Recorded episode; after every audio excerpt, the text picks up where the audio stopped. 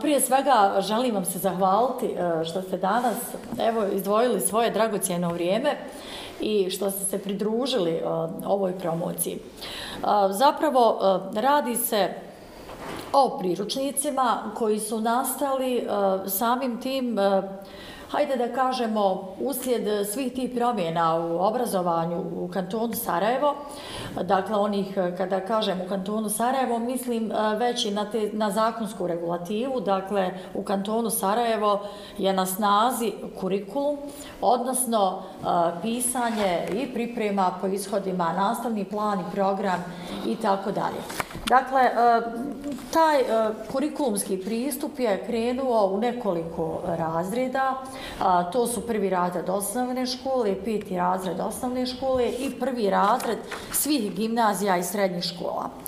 Pošto smo a, vaša i moja Mirala, a, dakle, nas smo dvije bile u augustu na jednoj edukaciji, zapravo smo trebale prezentirati ljudima kako to trebaju da primijene.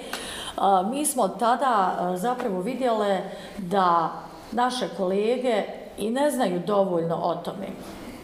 I mi smo bile uplašene samim tim. Sedam dana je bilo do nastave, a ljudi su trebali već za sedam dana da implementiraju nešto što ni sami ne znaju kako će. E, ovo sam vam ispričala da bih vam nekako pojasnila zašto smo uopće ovo pisale. Mi smo čak imale nekih ideja ranih svašta smo nešto drugo htjele raditi, ali evo ono nekako desi se neke stvari na koje vi nekad naprosto ne možete utjecati. To je ono što smo mi dobile na terenu.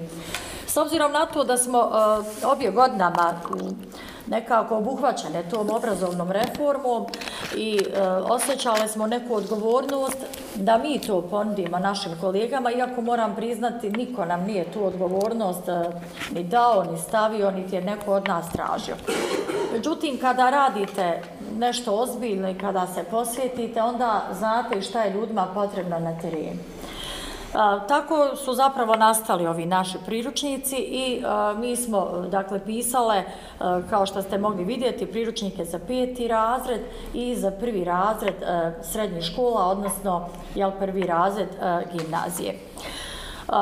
Poenta eh, cijelog, hajde da kažem, tog našeg grada jeste bilo eh, pomoći ljudima od samog početka. Razjasniti im šta je uopće to kurikulum, eh, jer mnogi se ne usude ni pitati šta je to, misle ljudi da nešto ne bi rekli pogrešno. Znate kako smo mi prosvjetni radnici. A onda znamo, imamo mi nekih kolega koji vole malo i da se naslade ako mi nekad nešto po Bogu ne znamo, kao da moramo sve znati. Tako da smo mi išle nekako korak po korak, objašnjavajući na konkretnim primjerima sve ono što e, naše kolege i kolekce čeka na terenu.